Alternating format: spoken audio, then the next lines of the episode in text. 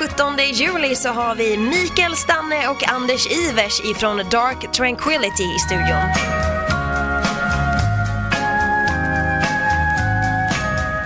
Goddagens! Jag heter Anders Ivers. Och jag heter Mikael Stanne. Och vi sitter här och ska eh, småprata lite. Chitchatta, som man brukar säga. Ja, precis. Ehm, det var ju först så att jag fick ju förfrågan att göra ett så här sommarprat och jag blev jättenervös direkt. Så tänkte jag typ, jag behöver ju sällskap, jag kan inte bara sitta här och prata rakt in i en mikrofon alldeles ensam.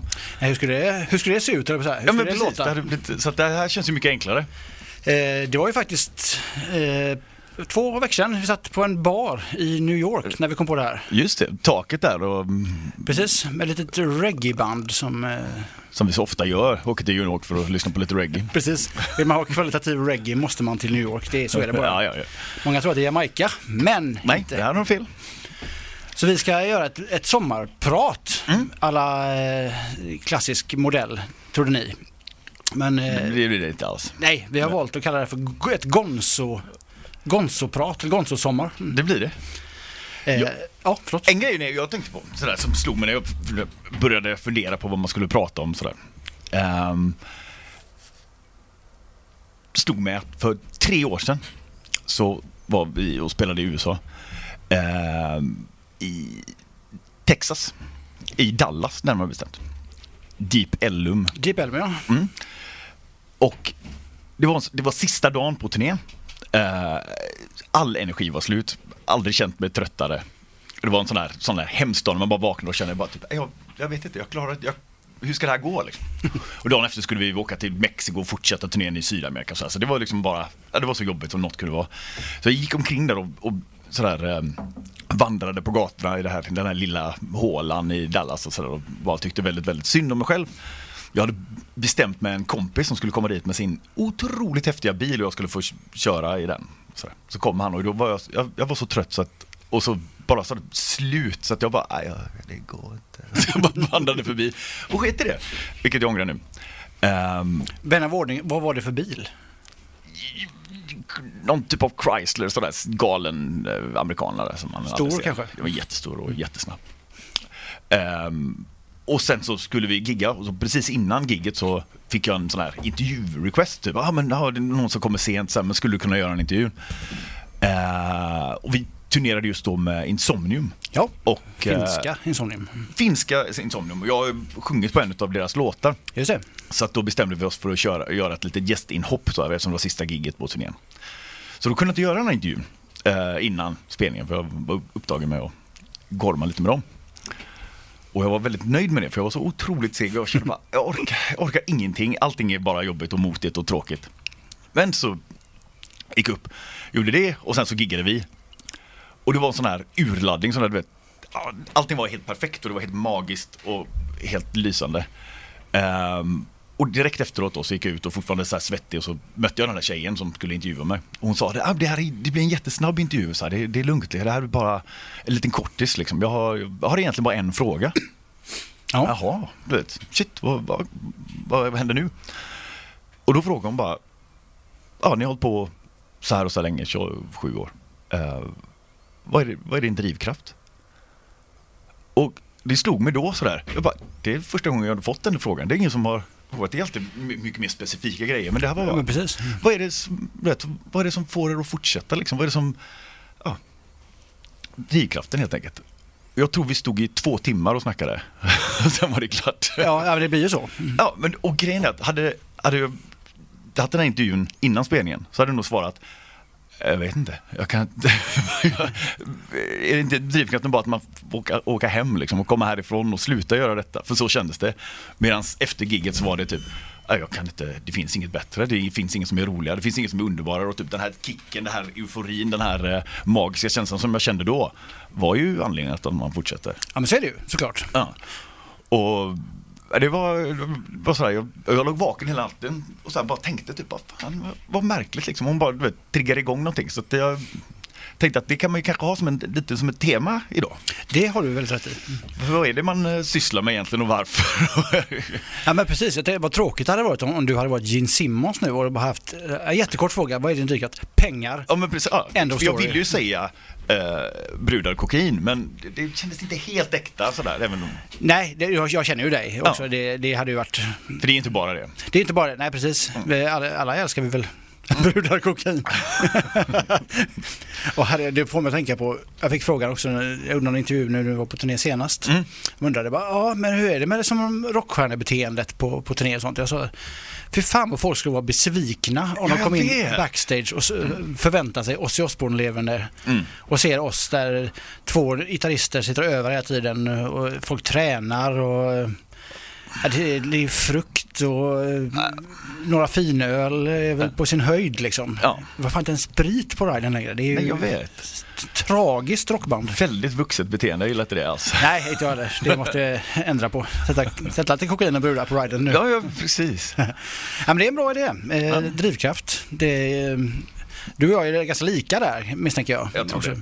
Men det är ju Det är ju märkligt ändå att man inte har liksom man skulle lätt kunna bara tappa det här, jag orkar inte längre liksom. Man vill göra något annat. Men jag tror att det är någon eh, Dels att man formades ganska tidigt. När vi var 14-15 där och man började lyssna på hårdrock, då blev det ju det här. Och man blev ett med liksom bandet, man var en, en bandmedlem. Som en del av ens identitet, man är ju inget annat liksom. Nej men precis. Det, man har ju båda två kompisar gemensamma och andra som har fallit av längs linjen. Liksom. Mm. Som inte, jag vet inte om man kan kalla det envishet eller, eller dumhet. Det är bara att välja egentligen. Men Mm. det fanns ju inget val Nej, egentligen. Liksom. nej. Det, Det, är det, blev så stort så snabbt tror jag. Det är nog därför som man liksom, man, man vet inte vad man skulle göra annars. nej, nej men precis. Liksom. Och det är ju inte drivkraften, men det är en anledning att man fortfarande håller på tror jag. Att, att det Ja men precis, det måste ju vara Alltså, vi har gjort, sen vi släppte en skiva i november förra året, så har vi gjort, jag räknade på det ihop med Martin, jag tror vi har gjort 83 gig sen dess. what? Ja, precis. eh, men det känns ju inte som. Och så Nej. tänker man på den känslan som när vi stod på, på scen, turnéavslutningen senast på, på Trädgården i Mm. Göteborg. Vad skulle man hellre göra än det? Så är det faktiskt. Och det, där, det bottnar ju det liksom. Mm. Det, det, det finns ingenting som är roligare än det. Nej, och då är allt det där tråkiga och jobbiga och sega värt det. För att, ja, men vi spelade i Mexiko för, förra helgen. Mm. Det tog oss fyra dagar fram och tillbaka. Ja, fem faktiskt. Fem, där ser man, för att spela en timme. Precis. Och, och ett halvtaskigt gig på köpet. Exakt. Men det var ju också värt det, konstigt nog. Men då kan man också tänka sig det här att eh, vi har ju kanske förmågan att, att ta, ta till sig det här man får vara med om. Nu fick vi, ja visst det var skitjobbigt att flyga så mycket, men vi fick också en jävligt fin dag i New York. Ja, ja men, ja, men exakt alla sådana här. Och, sen, och det är inte bara att stå på scen som är fantastiskt. Alltså, och, och liksom den feedbacken man får. Men det är klart att det, det är höjdpunkten på dagen såklart. Men sen alla människor man har träffat, alla ställen man har fått se. ehm, det är ju värt mycket också. Men det är ju så. Liksom. Precis. Men det är inget man blir beroende av på samma sätt som den här adrenalinkicken liksom, och den här euforiska känslan som man får ibland när allting bara klickar och allting stämmer och man får stå på scen och göra det man är bäst på och det, allting bara funkar. Precis.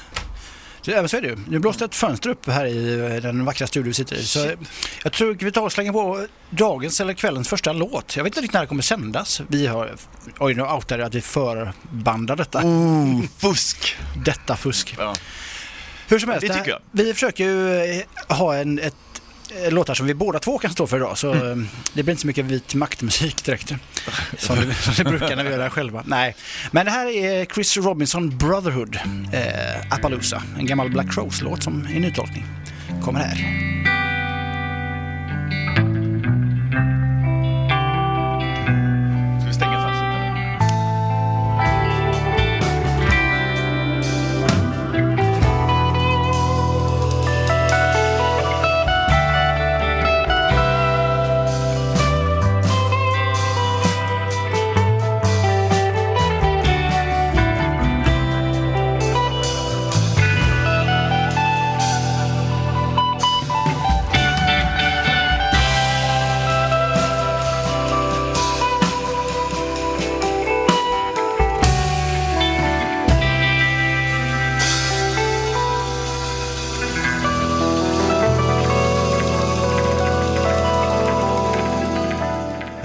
Försiktiga symbolslag så tonar Appaloosa med Chris Robinson Brotherhood ut. Mycket, mycket, mycket fint. Det är, ja, det är, det är roligt. Eh, ganska skönt hur det har gått från den första boogie-rocken med Black Rose för, ja, vad det kom den, 90? Ja, det var det väl? Ja, något sånt. Till det totala friformsflummandet som det är nu. Det, Jättemysigt. det jag gillar det som fan. Det är jävligt gött.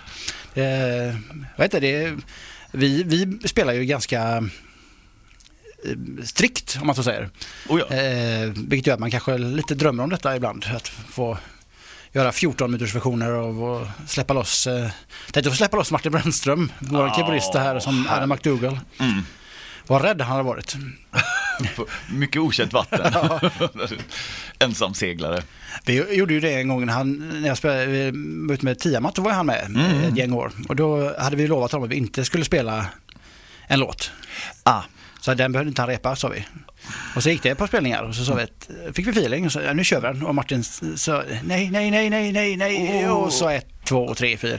Och då fick han eh, jag klarade bemästra den paniken som uppstod. Shit. ganska snyggt faktiskt. men det var inte så att han bara fejkade och stod med nävarna mot, uh, mot tangenterna och sådär? Nej, det, det, det, han spelade ju. Ja. Det krävdes ju av honom och han eh, hittade även något ubåtsljud i sitt rattande där. Det är Ja, when in doubt, ubåt. ubåt. Mm. Det är något av det roligaste som finns när Martin Brännström eh, råkar ut för tekniska problem annars. Jag gillar det med. Ja. Hemlig, hemlighetsfullt. Eller typ, i, i skymundan så njuter jag av det. Ja, ja, en liten anekdot är det vi spelade med Tiamat första gången i Ryssland, i Moskva. Ja. Det var 2000 tror jag. Shit. Eh, och vi flög dit, vi kom direkt efter en turné. Så kom vi dit och så försvann ut naturligtvis all utrustning. Som de gärna gör när man åker till Ryssland. Så är det ju. Eh, men okej, vi fick låna lite utrustning och det funkar ju oftast liksom, eh, för mig och för gitarristerna. och Sånt. Det är ju inga konstigheter. Men Martin hade ju då på den tiden två jättesyntar med full med programmerade ljud som han suttit i veckor. Jajamän. Nu fick han en blå Yamaha. Och han hittade några ljud så här, så, och så skulle vi spela en låt eh, som eh, han började. Ah. Stort fet intro, båda klaviaturerna. Det var Rick Wakeman-feeling nästan. Ja, ja, minus manteln bara. Ja. Minus manteln. Och han, du vet, han var van med det. Hans ljud var så jävla maffiga orglar och, så, och sånt. Och så eh, ska han då dra fram det här stråkljudet som han hade i panik hittat. Ja. Men går fel på patcharna liksom. Så att när han börjar så istället så är det ju dragspel. Vilket utlöser omedelbar attackskratt hos alla andra. Superseriös låt och ni har liksom har, så här, assumed the positions. Jajamän. Bredbent bara nu jävlar kör vi och så kommer det. Enter dragspel. Det var fantastiskt. Det, det kan jag misstänka att han fortfarande eh, kan vakna skrikandes eh, svettig en natt, eller många nätter över det. Kanske läge för lite practical jokes där för, för, för oss. Det tycker jag Byta ut absolut. vissa ljud mot eh, så här, orkesterknall och sådana på, på lärarljud. Jag tänker den här Björn Olsson-idén. Att ersätta sång, alltså att då i Martins fall keyboard, med samplade måsar. Just det, han har ju släppt en måsplatta. Precis. Måsmetal. Eller, men det, för det är ganska hårt va? Ja, det är ju typ 70-tals hårdrock. Det är baskaggar och distat och sådär. Och Fast det är ingen sång då, Utan mås. utan mås. Och det tror jag Martin skulle må bra av. Sen, när, inte omedelbart kanske. Nej, nej. Som, som så mycket, mycket i det här livet så blir det ju roligt sen. Precis. När man ser tillbaka på det. Det här kanske är en idé vi inte ska utveckla på radio inser jag nu. Men, nej, eh, det är värdelöst. Han kommer höra detta. Ja. men eh, ja, det, nej, det kanske inte är så troligt. Nej, det är Han slår mig inte som en radiolyssnare. nej, nej, nej. Men äh, Björns idé där är ju faktiskt ganska dåligt tycker jag. Eh, Björn Olssons? Mhm. Ja, det är ju... Idé, som idé kan jag tycka att det kan vara ganska roligt när den koms på. Ja, ja, den efterfesten hade jag gärna varit med på. Precis, men själva genomförandet och släppandet av detsamma är jag inte helt... Nej, att, att gå från äh, ja, fylleidé till äh, liksom släppt skiva, jag vet fan. Nej, men det är ändå liksom... Alltså att han vågade. Mm. Det... Man tänker, hade det varit lite softare, så här, typ, eh, någon, någon typ av eh, flöjtbaserad musik eller någonting med lite, lite mås till, så kanske hade varit, man fått feeling. Tänk om man kunde få in Jan Lindblad. Nu är han väl död i och för sig kanske, men Det, är jag nog, men eh, fågelimitatör från vårt 70-tal i DDR-Sverige. min fars eh, stora favorit. Jag lyssnade mycket på det när jag var ung. Mm, även jag. Eh, jag vet inte om han var så bra på måsa just, han visslar ju mer men Ja, men det, var ju, det hade passat med måsa till. Absolut, det, det, det tror jag. vara lite mås till din favoritmusik. Eller visselmusik va? Ja, tack. Ja, kanske inte. Varför inte en, en måstallrik? Eller måsbricka. Det är trist när man beställer en shotsbricka och får fel. Liksom. Ja, det blir svinjobbigt. Ja, nej, beställa mosbricka igen. Så, nej, måsbricka. Ja, dumheter aside får ni vänja er vid det här. Japp. Eh, ska vi ta en låt tycker du? Ja, det tycker jag. Det här är ju en eh, favorit. Eh, Kan bara hålla med. svenskt, härligt. Släppt på Anders Fridéns gamla skivbolag Gracia Notes. Ja, eh, första i alla fall va? Ja, precis. Sen släppte de... Har det- det kommit någonting efter den här? Nej men vänta nu, det kanske är den första som inte Ja, släppte. så är det nog. Ja, Precis. För det här är Sagor, heter den här plattan. precis. Med Scrake Odland. Scrake Odlan. Eh, jag, jag spelade ju på Record Store Day två år sedan kanske. Missade det. Eh, Det var jävligt jävligt bra. Ja, jag har aldrig sett dem heller. Jag, det smärtar mig. Ja, Det är fruktansvärt tungt live också så det är riktigt, riktigt bra. Det här är en av de tuffaste låtarna från den här plattan. El Monstro. Grym titel. såklart. Så, såklart. Mm. Det kör vi. Scrake Odlan. Yes.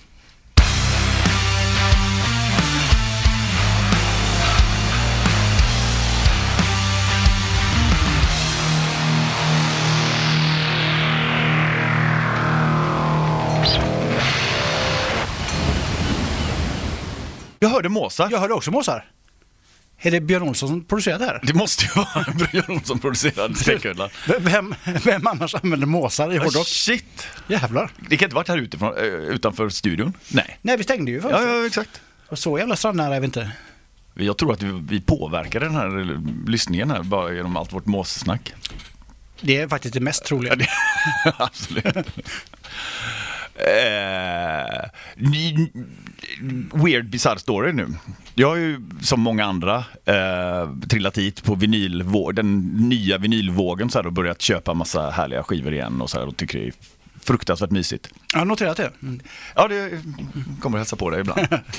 Ehm, och, alltså, och de senaste åren så har jag inte haft, eller typ för massa år så hade jag inte skivspelare men jag köpte på mig en del skivor lite då och då. Bara för det är mysigt sådär, det är alltid gott att gå i skivbackar och, och sådär. Och ehm, för några år sedan så var jag ute med skivbolaget nere i Tyskland. Mm.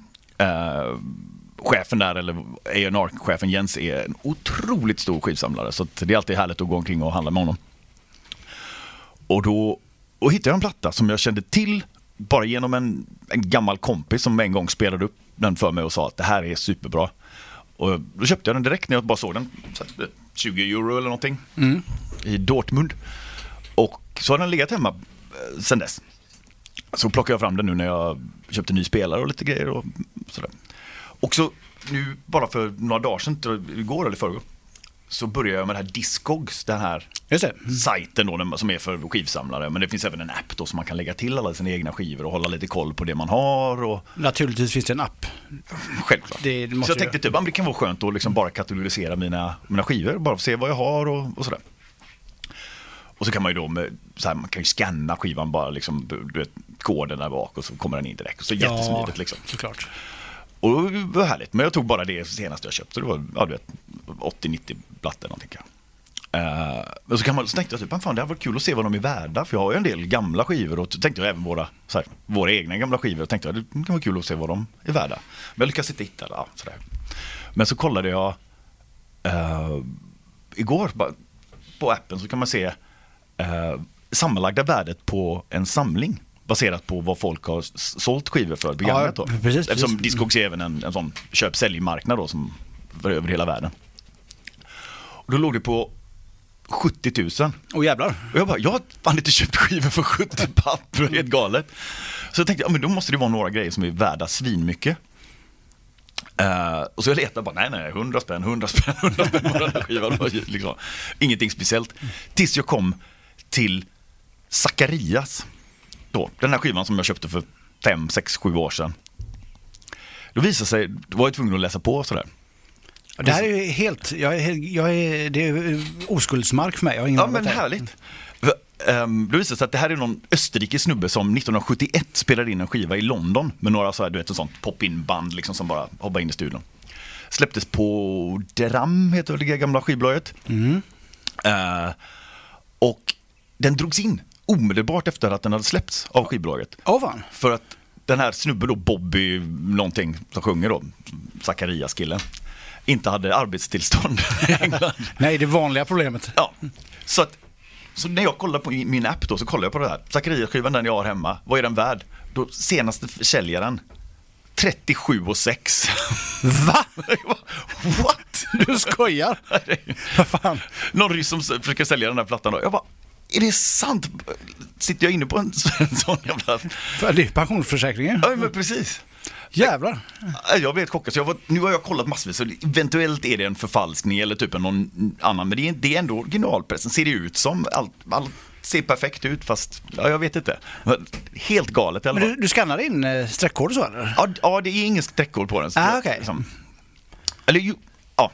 Det, det, den ser liksom, allting verkar stämma förutom att det borde, jag borde inte ha köpt. Liksom, de borde ju veta på den skivaffären jag var. Jag minns ju faktiskt det är en Ja. riktigt insnöad, grym skivaffär. De borde veta bättre. Jag tror jag vet vilket mer. Det borde de, men samtidigt. Ja, Praktikantinbyte kanske. ja precis. En 50 spänn får man för en. ja, precis. Men jag tror inte, det var, ju- det var inte dyr när jag köpte det. Nej, jag tror, tror att du är omotiverat. Men för det här har någon pratat om. Jag slantar upp 35 papp kanske då. Gått upp lite sen dess. Den här lär ju lätt gå upp till 37 inom några år. Nej, mycket märkligt i alla fall, men det, men det är härligt. Alltså, jag är inte sån samlare på något sätt. Liksom. Jag tycker bara det är härligt att köpa skivor. Men du är inte heller sån eh, som du måste ha den första pressen av något eller så. Nej, nej absolut inte. Jag tycker, eh, för mig handlar det om musik, eller Mm. så musiken. Så här, jag, köper ju helst på vinyl. Jag, jag slutar ju aldrig köpa vinyl eh, Nej. när det jag, snarare, jag, jag började köpa CD för man inte kunde köpa de skivorna jag ville ha på, Ja. på vinyl längre. Ja. Så jag köpte nog inte CD förrän kanske 93. Nej, shit. Någonstans där. Liksom. Ja. Två kanske. Men eh, så jag, och jag slutade aldrig köpa. Så jag, ett tag där kunde man ju köpa hur, mycket vinyl som helst för inga pengar. Nej, precis. Alltså, köpa hela, hela diskografier för det som en hundring och så här, det var galet. Så är det jag- inte längre... Det är det inte alls längre. nej. Men jag noterade det när vi var ute Ja. sist eh, på turné där. Ja, just det. eh, Att, eh, I alla fall i Göteborg, nu kan jag inte tala för Stockholm och sånt, men det här är det ju fortfarande billigt med begagnade skivor. Jämfört med utomlands så? Ja, verkligen. För Vi var ju runt, det låg ju snittad på runt mellan runt 20 euro för en begagnad platta. Ja. Liksom. Ja, det är sant. Det är sånt som vi, de skivorna som jag såg, det är som 50-60 spänn. Ja, ja, shit. Och då för det så. Ja, Det bra kanske är fråga. me- mer exklusivt utomlands. Alltså, I Sverige finns det, det är ju sådana här begagnat handlarna är kanske lite vanligare. Det, ja, det stämmer säkert. Sen tror jag också att Göteborg har eh, tradition av att vara en billig skivstad. Eh, faktiskt Ah, mycket i med, så. med Bengt Brorssons intåg på marknaden Ah, sjut- ja. tidigt 70-tal där. Ja, ja, ja, precis. Han, han importerade ju själv och sålde och, och, och har ju pressat priser hela tiden liksom. Det är så. Fram till han sålde då. Mm. Och det var ju samma med skivhugget, det var ju tvungna att... Och, Och matcha det då? ja, Så- precis. Så då har det väl levt kvar antar jag. Ja, ja, visst. Fan vad härligt. Ja, det, det tackar man ju för egentligen. Ja, men verkligen. Så det, men eh, du ska vi kanske lyssna på din, din Ja. om vi vågar lyssna på den här jättedyra låten. Den, den här låten är den, är den dyraste på skivan tror jag. Eh, Who Gave You Love, men det, det här är riktigt 71. Så- Och den, han släppte aldrig något mer heller. Så där är, kom bara en skiva, that's it. Sen försvann han. Så väldigt, väldigt mystisk och härlig, vilket är härligt. En riktigt samlarex. typ tio låtar på plattan eller? Ja, men något sånt. Så strax under fyra papp för den här låten. Japp. ja. ja, men det låter rimligt. Vad är det för låt vi ska lyssna på då? Who Gave You Love, Zacharias. Let's go.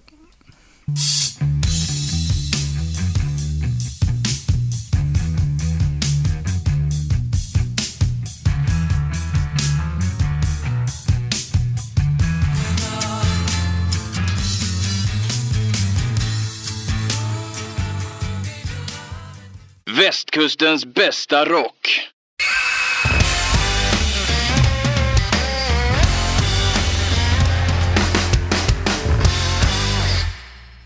Doomslide. Eller vad man ska kalla det. Det, det var Badge eh, som följde på Mikaels 4000 kronors låt. Betydligt billigare. Ja, men det var lite billigare. Men det var härligt, jag har aldrig hört talas om dem. Det är lustigt att du säger det. Jag kom på det, för vi pratade om det här i, i, i pausen. Du hävdade, sen insåg jag att, att eh, du far med osanning min vän. Är det så? Du har till och med sett dem live. Nej. Jo. Va? Eh, eventuellt drack vi öl samtidigt. Eh, men eh, Jag dricker aldrig öl när jag går på konsert. nej, nej, inte jag heller. Eh, men eh, du och jag och eh, en annan sommarpratare, Biffen, Ja. och eh, vår gode vän eh, Victor Marin Ja. eh, och Jerry Prytz Eh, Vi roadtrippade för ett gäng år sedan. Det gjorde vi. Eh, Härifrån, eh, eller inte härifrån Kungälv, men från Göteborg. Mm. En väldigt kall februarimorgon. Jajamän. Så roadtrippade vi till Stockholm för att se på ett band som heter Clutch, som ni eventuellt känner till, på mina program tidigare. Och då var faktiskt Badge förband, inser jag nu. Ah, shit.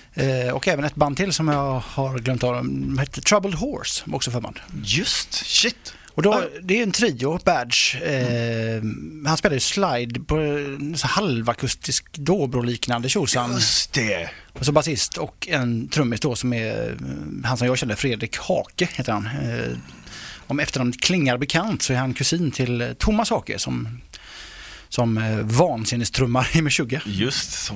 Oh shit. Det hade jag helt förträngt faktiskt. Men visst, det minns jag ju faktiskt att vi såg. Det var jättebra. Men man kan tänka sig hur deras eh, sådana släktsammankomster runt jul är. När vet, de små kusinerna Thomas och Fredrik får varsitt leksakstrumset. Jättejobbigt. Bara- Ja, men äh, det är ett svinbra band. Badge. Jättekonstiga taktarter. Och... Precis. Eh, Jag, pratade, Fredrik var med när jag spelade med Avatarium så var han med i, eh, vad var vi då? Moskva kanske. Mycket Rysslandsstories nu. Ja, ja. Eh, då pratade jag om det, att han, de är ju fantastiska trummisar båda två. Ja, ja, ja. Eh, det, är, det är helt galet. Och De, men de har sån skön förståelse för, för musik också. För det är inte så bara att de, de spelar inte bara alltså, konstigt för att de kan, utan de, de behöver ju, det, den musiken de har i huvudet är ju, kräver ju det, detta trummande. Liksom. Ja, ja, ja. Det är som eh, nubben till sillen liksom. Mm. Men prata, men vad, vad, liksom, vad, vad har du, eller vad har ni då för, eh, vart vill ni komma? Nu, ni är ju på den här nivån liksom, det är ju galet. Vad, vart sitter, vad vill ni kunna göra sen? Ja, men, exakt, ja, en gång då, vad är det som driver dem vidare liksom? Vad, vad, är, vad är målet någonstans eller vad, liksom, vart vill du komma? Och de var ju rörande eniga båda två, nu var ju bara Fredrik där just då, men att det, det, de strävar efter i sina, Sitt musicerande? precis, i sina vad ska man säga, avantgardhjärnor om man ska vara, är att de vill kunna spela det de uppn- vill uppnå som någon form av trummisarnas nirvana är att de två vill kunna spela som Phil Rudd i ACDC. och, det- och de har jag till och med, det kan vi inte. De tar en jättekonstig omväg Det dit. gör de verkligen. Men det är jävligt snyggt och det är så vackert för det. Vi vill nå den absoluta simpliciteten Mm. via den här världsomseglingen under havet på något sätt. Liksom. Oh, shit. Det är ganska snyggt tycker jag. Ja, ja. Ja, jag förr eller senare igenom det här liksom. Jag tillåter mig kanske tvivla men jag hoppas att de når det. Och det, ska, Ja, det blir, ja. det ska bli kul att höra dem under vägen. Mhm. Men man tänker på Meshuggah någonstans, de har ju, vad heter den, Koloss, som släppte för några år sedan. Jajamän. Underbar skiva. Den är ju nästan deras AC/DC-skiva i sin egen värld. Nu låter det inte på något sätt som AC/DC. Enkelt för dem, ja. Eller så här enkelt för att vara dem. Precis, och de har liksom, de har, där allting är, allting är rytm. Liksom. Ja. Det är roligt. Ja. Badge är något eh, mer, något mer bluesorienterade än Meshuggah. Något mer. Aningens, aningen. Han, jag vet inte om man skulle kalla Meshuggah för bluesorienterade. Nej, det Nej, det är De svävar ut ibland lite blues tolvor och sådär, men det är väl så är det så blues 27 år. en gammal blues 27 Oj, vilket insnöat musikskämt. Japp. Men eh, hur som helst, Badge är, är ju betydligt mer på, på den bluesiga banan. Fast kanske då via typ Frank Zappa eller någonting sånt. För en eh, Lite mer åt det hållet. Ja. bra band hur som Ja, helst. jättehärligt. Eh, Vi har rätt ut det här. På, eller det har vi kanske inte gjort men Nej, men. vi har tvålat till eh, det lite ytterligare. Mhm. Nåväl, vad tänkte jag på? Eh, jo, vi satt, vi satt ju på den här baren i, i New York. Det var så, så vad snyggt jag knöt ihop det nu. Verkligen. Nu är vi inte klara på något sätt men eh, att nu tappar jag bort mig igen bara för det. Men vi satt ju på baren som sagt. Ja, du, eller jag satt på baren först och sen var du, du var och köpte hörlurar Det var jag. sen innan du anslöt till baren. Men då kom vi på det här. Eh, jag vet inte riktigt vart jag vill komma med det här egentligen. Nu är jag ut på någon, någon tangent. ja, ja, precis. Men hur som helst, det var en väldigt fin dag i New York som, som jag eh, uppskattade mycket faktiskt. Ja, det var härligt. Det var jävligt trevligt. Det var lite oväntat. Vi var ju ja, på väg från Mexico City och insåg att vi, det går inga flyg direkt så att vi var tvungna att åka via någon stad och New York passar ju utmärkt och så blev det så att vi faktiskt hade en hel dag där. Precis. Det, det har man inte ofta när man bara åker på festivalgig. Nej. Um, vanligtvis är det upp jättetidigt, spela jättesent, upp jättetidigt, hemma sent. Precis. Så. Men eh, det här var ju faktiskt eh, bonus. Sen var det, var det 35 grader varmt också på en Ja. söndag mitt i Central Park. Det var, liksom, sämre kunde man ha haft det. Så. Jag har aldrig sett eh, fem män i sån eh, total samklang när vi har gått där en halvtimme och så här, vi måste ha en bärs. Det måste vi faktiskt. Och det var eh, ivriga nickanden. Ja, Den var god. Jättegott. Eh, ja, det trasslar till mig lite. Jag ber om ursäkt för detta. Men det kanske leder- någonstans. Ja. Det här, eh, ja, vi ska ju till New York igen sen i höst. ja precis. Faktiskt. Någon gång i September, ja, September. början där. någonstans. Trevligt. Jävla, alltså jag, jag var där första gången med dig i, eh, i höstas. Just det. Eh, och nu en dag till. Så ja, två dagars knallande omkring där. Så jag, måste, jag gillar den stan som fan alltså. Man kan lätt stanna där lite längre än två dagar. Just. Det tror jag eh, att jag måste göra snart faktiskt. Jag vill ta en sån lång helg dit. Det var trevligt. Ja, jag tog ju en långa dit för var det två och ett halvt år sedan nu, eller nästan två, lite mer än två. Just det, du åkte till eh, USA för att se Kanada. Ja, precis. Med Power-trion var jag tvungen att... Det var ju sista turnén som Rush gjorde. Just det. Och eh, det snackades i alla fall om att det eventuellt var sista turnén.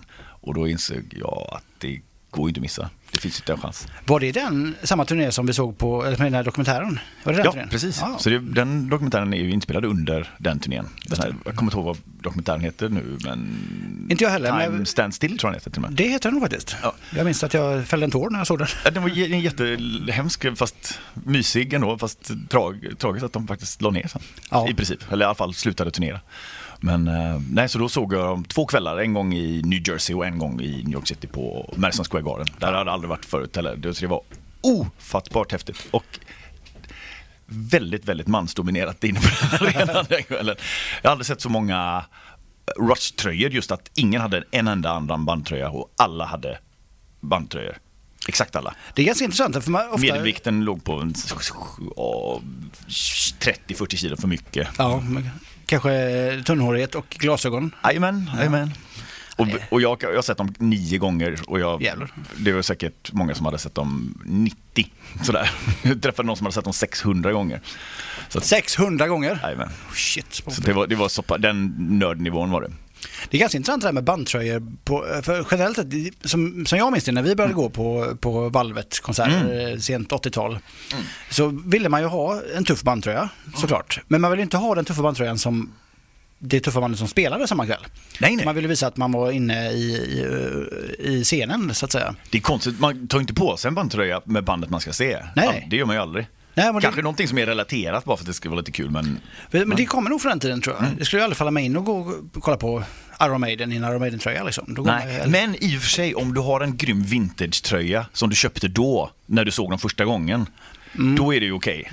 Så att jag tror, just i, i Rush-fallet där så var det ju då att folk hade liksom, jag har den turnétröjan, Ah, jag var där. En, sån, det var liksom en sån, mm, man tittar på varandra liksom och så bara, åh shit, du, åh fan också, av, avis. Så att lite åt det hållet var det. Det är, det är inte nyköpta tröjor utan, eh, Nej precis, de har inte gått på Topshop och köpt eh, pre-distressed Nej. tröjor. usch.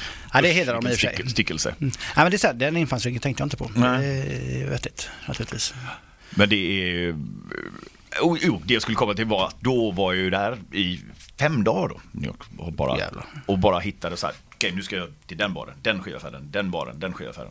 Och ehm, lyckades pricka in det mesta där faktiskt. Fan vad gött. Det är bra när man är välplanerad och sådär. Man typ, nu, nu ska jag se allt och så är inga andra begränsningar liksom, utan nu bara kör vi. Nu ska jag eh, se så mycket som möjligt.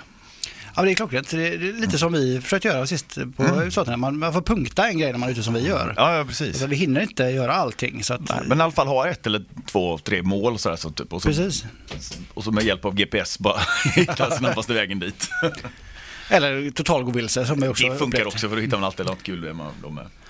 Det är dags för en, eh, en låt kanske. Ja, det är dags för lite Doom. Det är dags för lite Doom. Vi hade ju Slide Doom precis. Ja, och nu blir det bara Doom Doom. Riktigt eh, hårt, grymt. Det här är ju förr, förra årets bästa skiva, eh, enligt mig. Förr, förra året, alltså 15. Jag tror det, jag är inte helt Ja. hundra, men ehm, det är deras förra, den, nya Heartless är ju också helt fantastiskt, men det här är ju uh, Foundations of Burden med Paul Bearer. Här är första låten, den öppnar ju stenhårt. Mm. Jag har inget tillägg. Vi kör. Worlds Apart.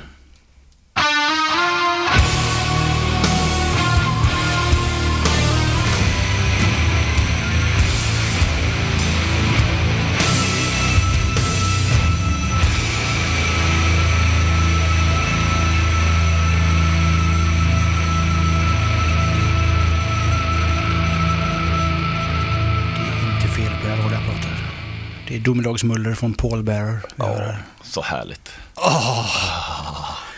När jag såg dem på Truckstop för ett år sedan och stod allra längst fram och de körde så vrålhögt. Det brukar inte finnas några DB-begränsningar där på Truckstop Alaska, vilket är underbart.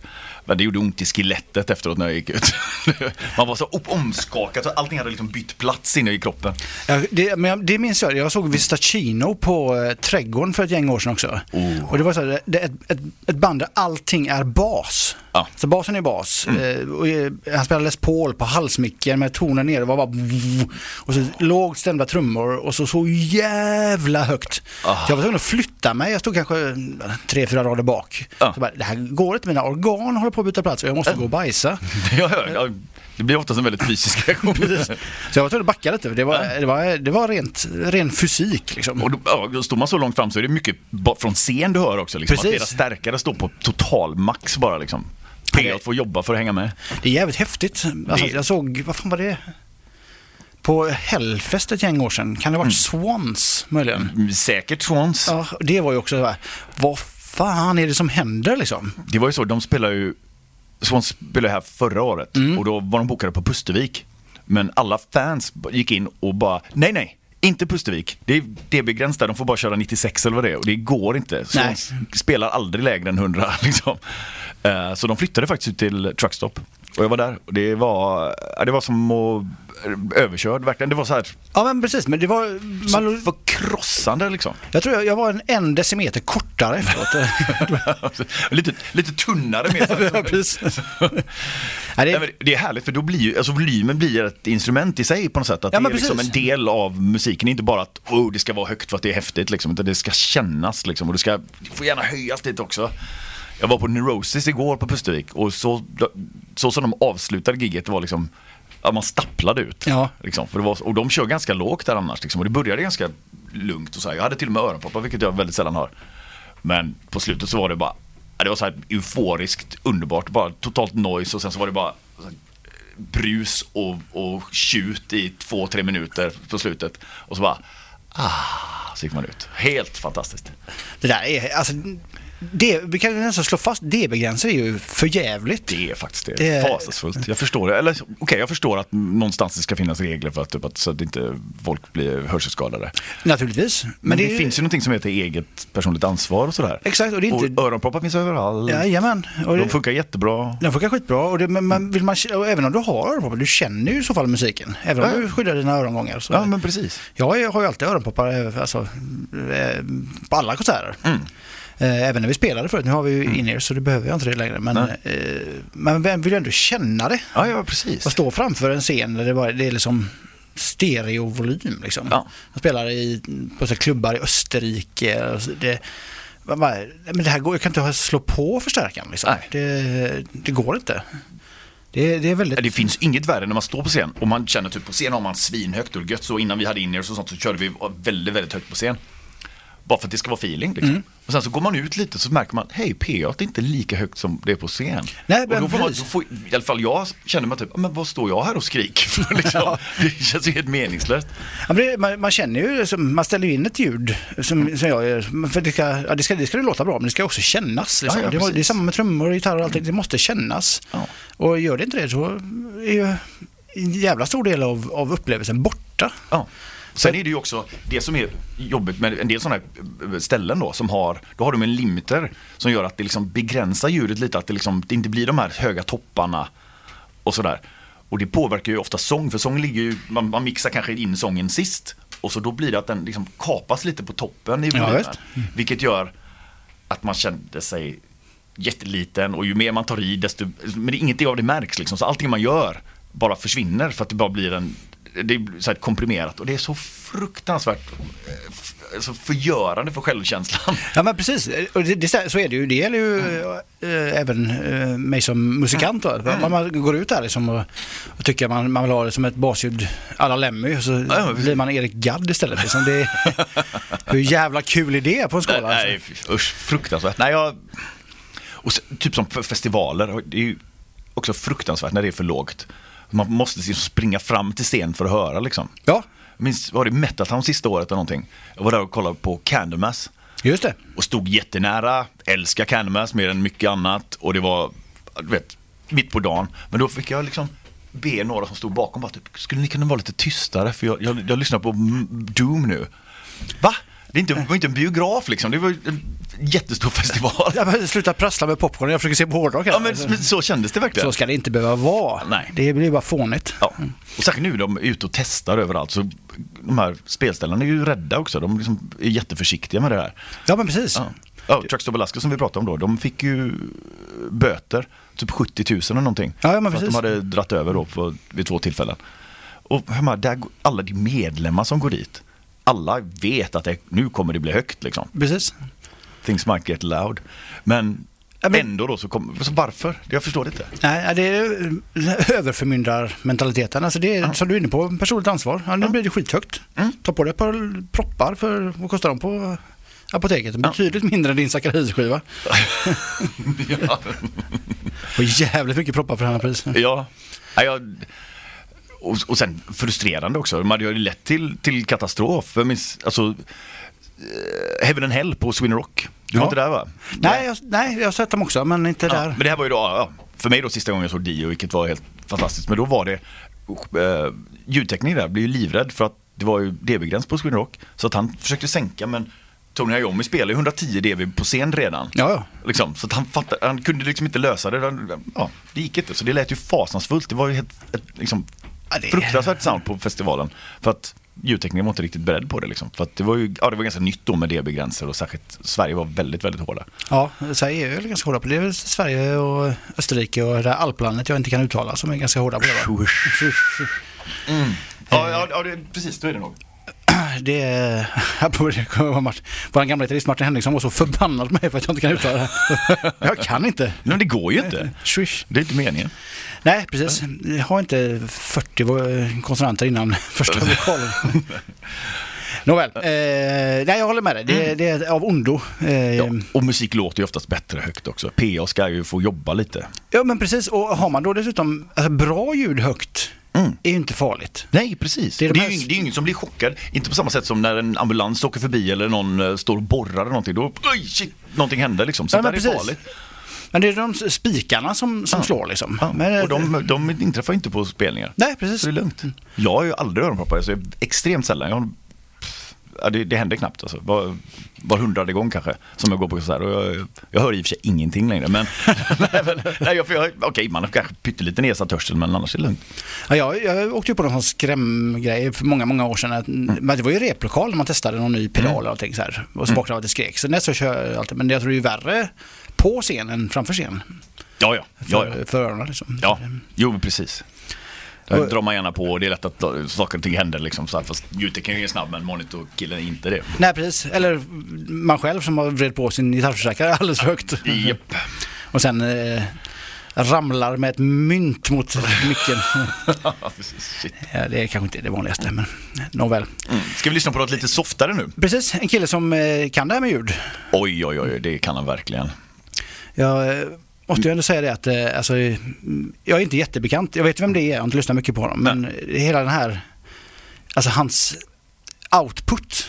Alltså dels under eget namn, dels under olika bandnamn Jajamän. och dels som mixare eller ljudtekniker. Ja. Vi pratade ju då om Steven Wilson. Det gör vi. Och han, ja, precis, han har ju mixat om halva Yes-katalogen. Nya mixar som är väldigt trogna men också fantastiska. Han har mixat om massa Jethro Tull-skivor. Gentle Giant va? Gentle Giant, precis. Inte King Crimson? Jo, flera King Crimson. Och, och Robert Fripp har suttit bredvid och bara, ja det låter bra Steven.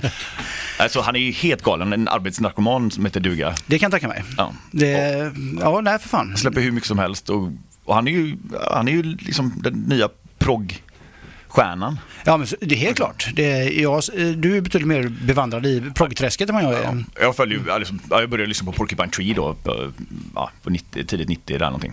Och fastnade totalt och sen har det bara blivit bättre och bättre. Och nu som solartist då när han får lite friare tyglar och får jobba med lite olika musiker för varje skiva sådär. Eh, så är det ju bara ännu bättre. Och nu har han gjort en skiva som han som berättar att den är inspirerad av tre skivor.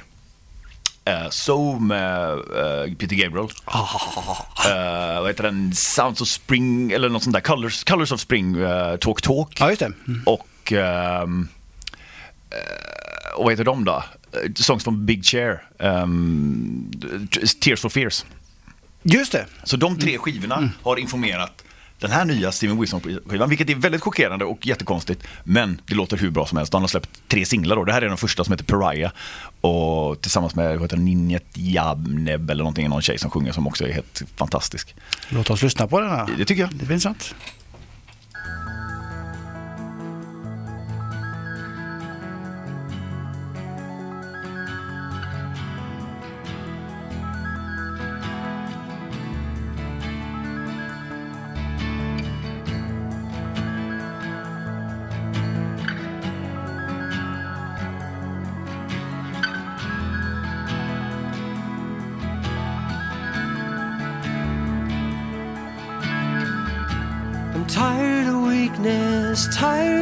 Feet of clay. I'm tired of days to come.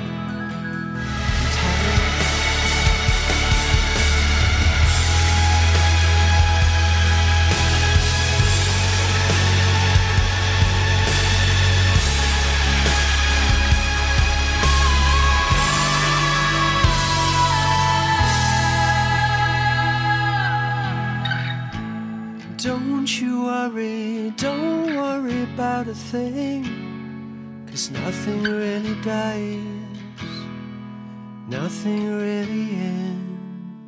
Det här är Pirate Rock.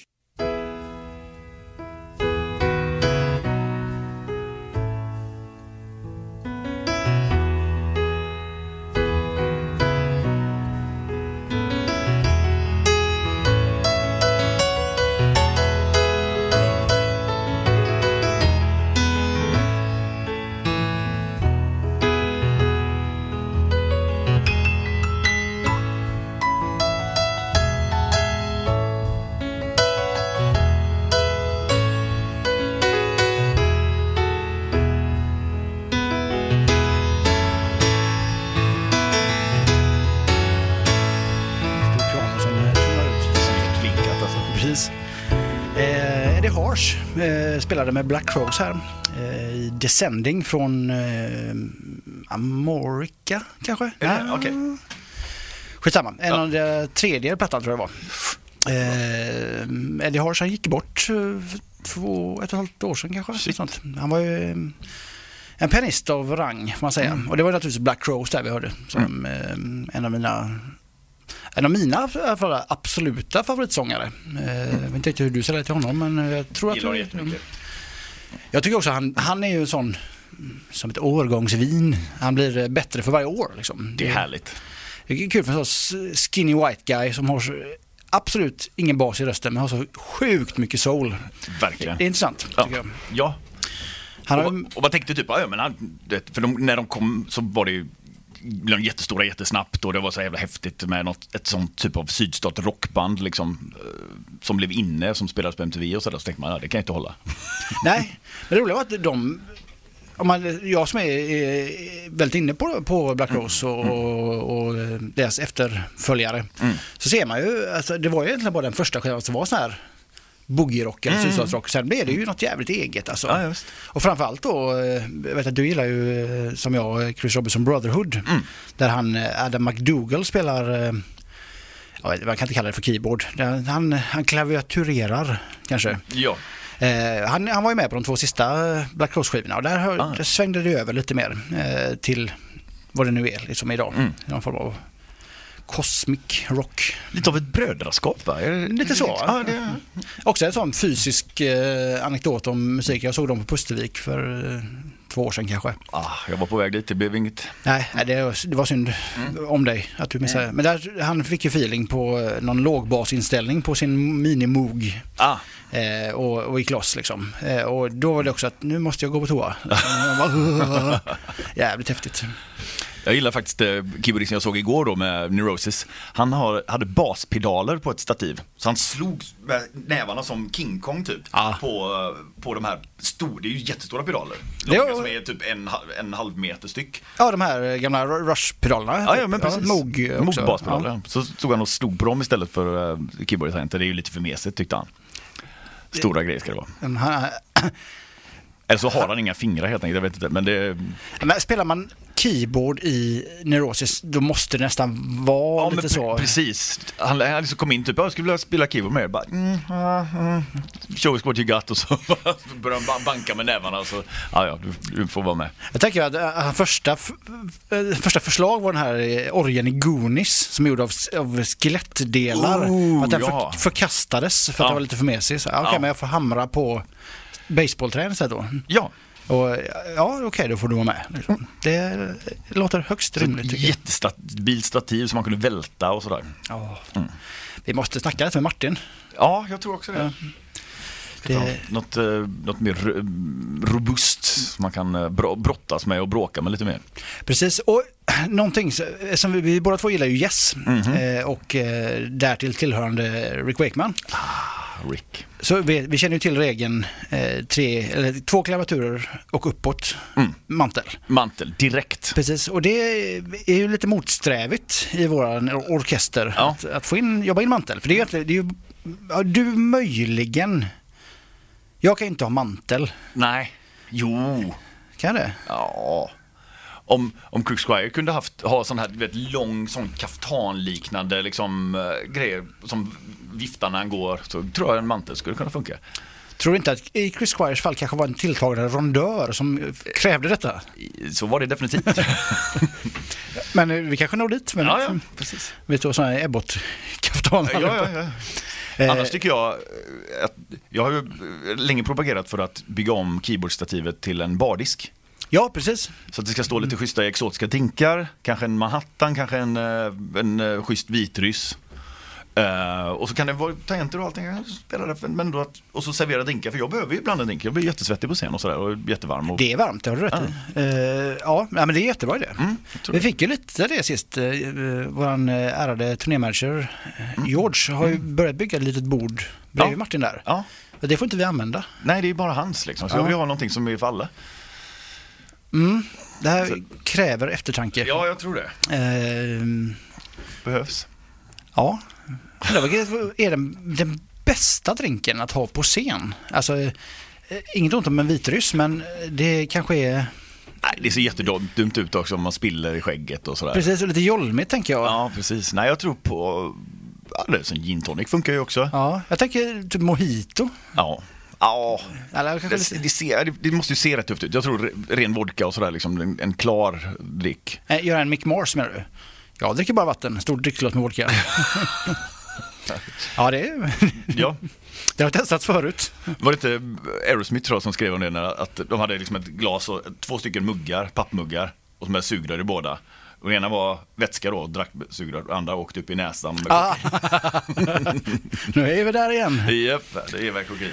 Nej, det, det tycker jag låter rimligt. För det var lite, lite mer drogliberalt kanske på 70-talet kring eh, just kokain. Jag tänker, vad fan var det som hade, när man skickar ut promotional items från skivbolag när det kommer en ny skiva. Ah, ja, ja, ja, ja, Eh, var, jag, jag vill säga att det var Pat Travers, men jag är inte alls säker på det. Okej. Eh, som skickade ut i USA, så kom eh, alltså, en ny platta med, Mm. ja vi säger att det var Pat Travers. För jag är inte säker, så stämmer, stämmer inte om det inte stämmer. Men, eh, Om Pat lyssnar. precis, Pat är ju en trogen lyssnare. ja, ja, ja. Eh, kommer inte heller ihåg vilken skiva, men säg 73, 4 någonstans Mm. där. Ny skiva med Pat Travers och så skickar skivbolagen ut, mm, vad ska vi ha för promotional item? Vad, vad passar bäst in När, när folk ska Alltså, sätta, sätta sig ner och lyssna på den här skivan för första gången, liksom, vad är det man behöver ha? till, Precis, sådär. men det här var för journalister då, på, Ja. Mm. så att, kanske de fina, det här var en ganska dyr grej så att det kanske inte Ja, det kanske inte fanns, kanske inte fanns och, och, nätfanzines och, 70 och, och framförallt, hur kan vi garantera att få en fantastisk recension på den här skivan? Eller? Precis, Och i tidsandan så tror jag att de träffade ganska rätt. För vad de skickade ut var, alltså till Rolling Stone, de här, jag har sett bilden på den. Eh, Det är alltså en, en, en vanlig, jag tänker det som en, en, en vanlig frukostbricka typ. Som man har, man tar ut saft i trädgården. Ja. Med, fast med blommor. Det här var inte blommor, utan det var, det, var, det hade förvisso bärhandtag, men det var en spegel. Med eh, som skåror i. Det stod då Pat Travers och namnet på plattan på den här spegeln. Och så fanns det skåror i där man kunde lägga upp sitt kokain. Och ett vidhängande rakblad då som man kunde shoppa det. Var det Per Travers logga på rakbladet också?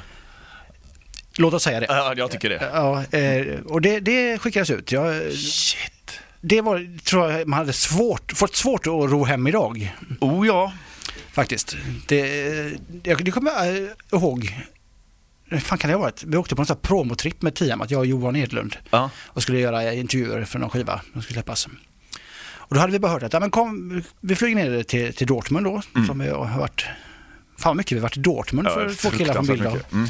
Hur som helst, eh, så åker vi turnébuss till Amsterdam. Ja. Ja visst, det är trevligt. Det är ett par timmar liksom. Så dricker vi bärs och, och lyssnar på plattan och så. Ja visst.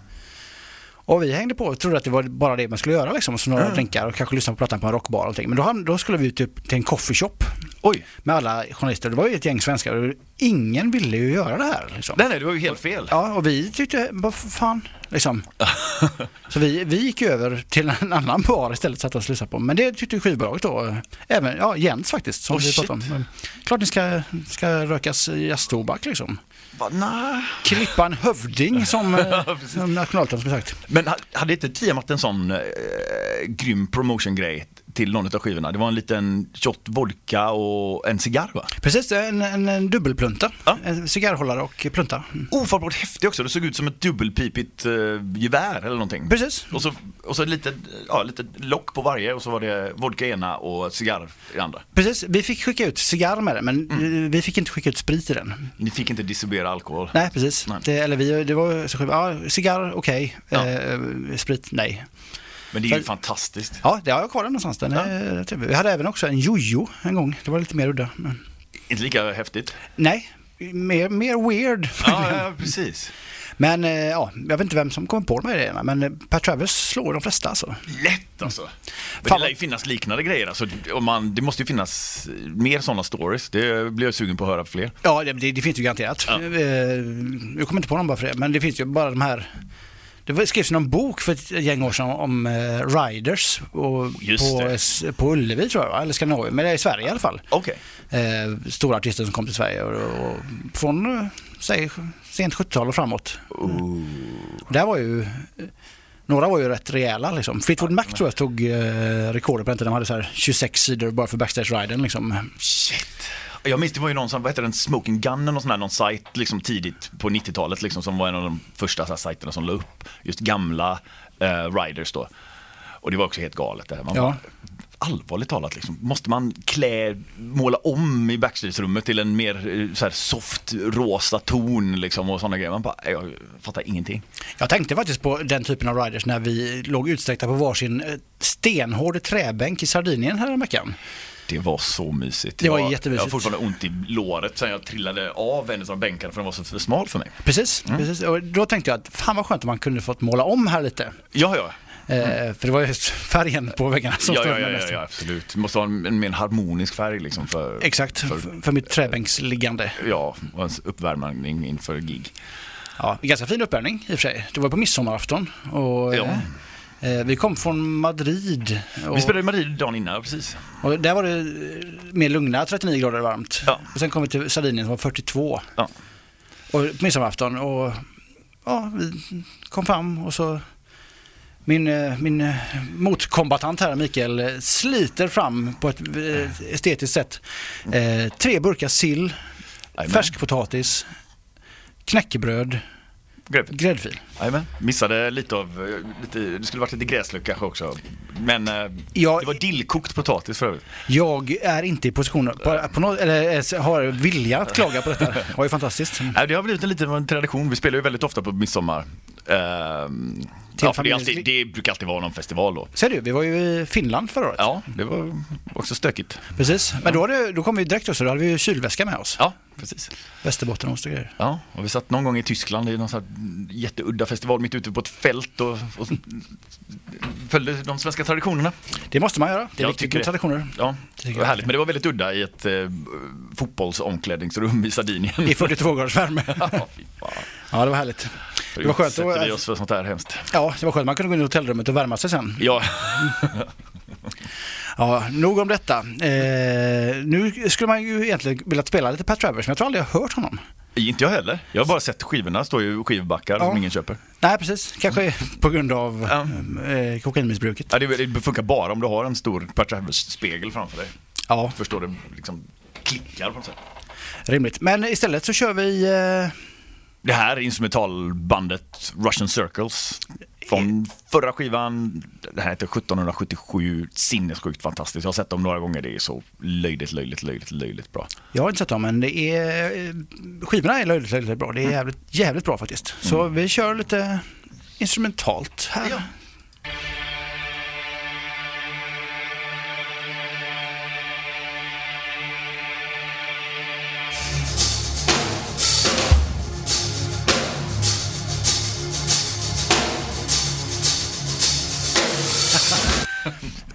Det, det låter som att, det är så här, trummorna låter som det är inspelat med en mick. Precis. Och så anpassar han sig efter det. Ja. Liksom, för det låter så otroligt organiskt och snyggt liksom. Jag tänkte just på det, det är skönt att höra trummor med rum, rumsljudet. Ja. Liksom. Inte bara närmickat. Eller inte alls närmickat faktiskt. Nej, nej, verkligen inte. Det är stort och härligt och han, åh, underbart. Jävla, alltså hi-hat-känslan. Alltså, Ah. Det får mig att tänka på Mästaren liksom, Stuart Copeland. Ja, ja, visst. Som inkallades till eh, Soul-plattan vi talade om tidigare med Peter Gabriel. Jag såg någon sån Det är här jätteroligt, jag visste inte detta. dokumentär om det. Han inkallades för att spela hi-hat. Och är krediterad som det. Liksom. Fort, vi behöver hi-hat-snubben, ring! ring. Bara. Klo- Klockrent. eller? Tydligen hade inte Peter Fast Gabriel... jag känner igen så vet, nummerpresentation, bara nej det är från studion igen, bara kuken, är det, är det hi-hat som behövs eller? Ja, du, du vet vad som gäller liksom. Ja, jag ska bara hyra en bil så jag packar in trumsetet. Behövs inte. Nej, nej. Tar du moppen. Ja. Det, mm, det, tydligen hade inte Peter Gabriels första fyra plattor blir det då. eh, Shit, nej. Symboler. eh, Överhuvudtaget. Trummor, trummisen fick inte spela symboler. Visst. nej, då, det är inget, det är för mycket läck, det skulle vara perfekt kanske. Ja, han vill inte ha det toppen liksom. Så Nej. det, där är ska vi inte ha lite... Han ligger där med rösten istället och liksom allt annat gött sådär. Ja.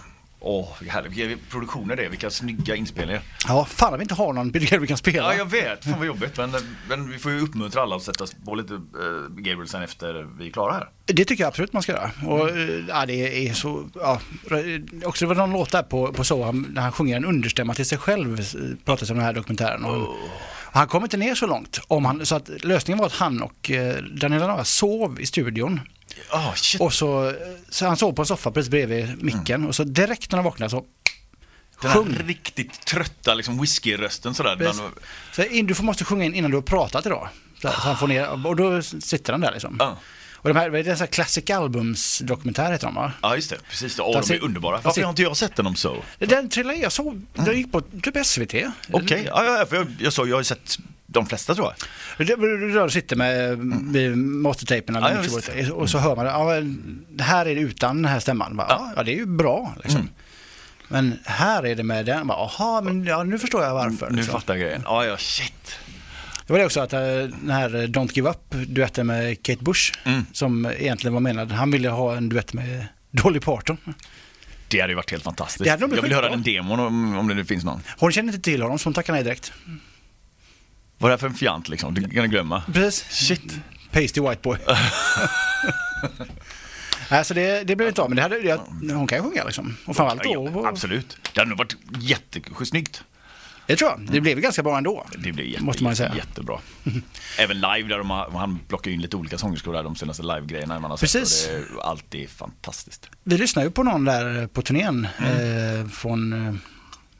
Heter det inte Nublad va, den liven? ja, det heter det väl va?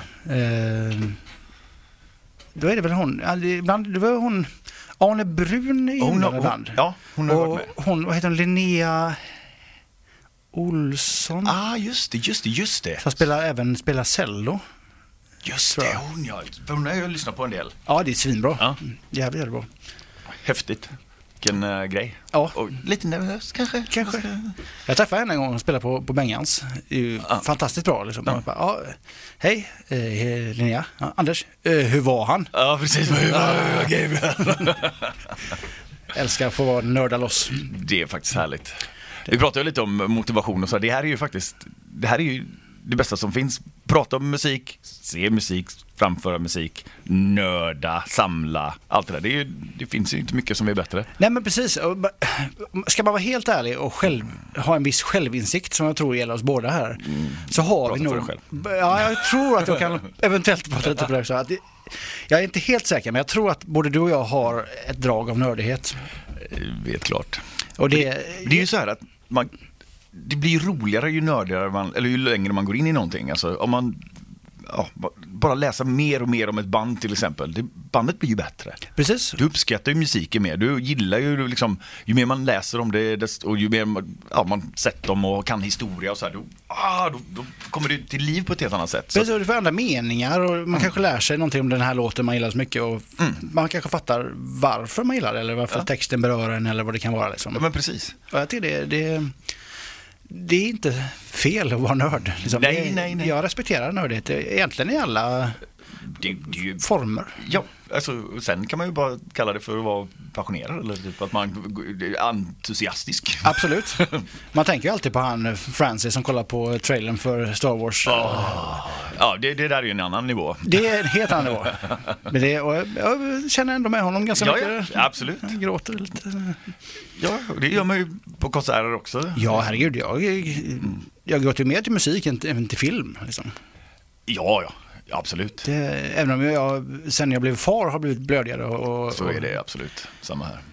Men eh, innan, det, alltså, ja, innan jag blev, jag, jag tror jag nästan bara grät till sport innan jag blev pappa. Jag gråter av sport, men Ja. det, det är min grej. Ja. Ja, precis.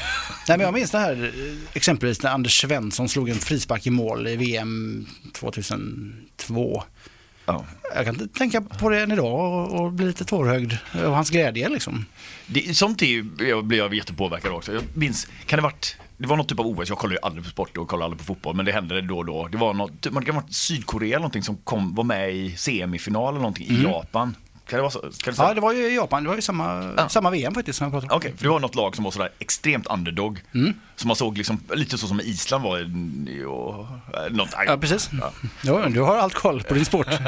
Men då var just publiken, de fatt, kunde inte ens fatta att de var i semi. Nej. Och då, det var så mycket du vet, publikshots och då satt jag ju bara koll på det. Jag sket ju fullständigt i matchen. Men bara se folk och bara sitta där och bara och gå in för det så hårt, det, det var så här otroligt rörande. Det, sånt gillar jag verkligen. Precis, och jag vill poängtera att det är inte det är själva frisparken i mål jag gråter av, utan det är Anders Svenssons eh, min efteråt när han inte förstår vad han ställt till med och springer och drar i tröjan och, och fattar inte. Det är, det är fint. Äk, äkta, kär, äkta känslor liksom. Ja, Det blir väldigt påtagligt i sport. Att det, det är ju som Antingen vinner man eller så förlorar man. Och då är man jävligt ledsen eller jävligt glad. Det finns inga, inga mellanting där liksom ett av mina favoritgrejer som, jag all, som alltid blir så här är eh, Rush än en gång då.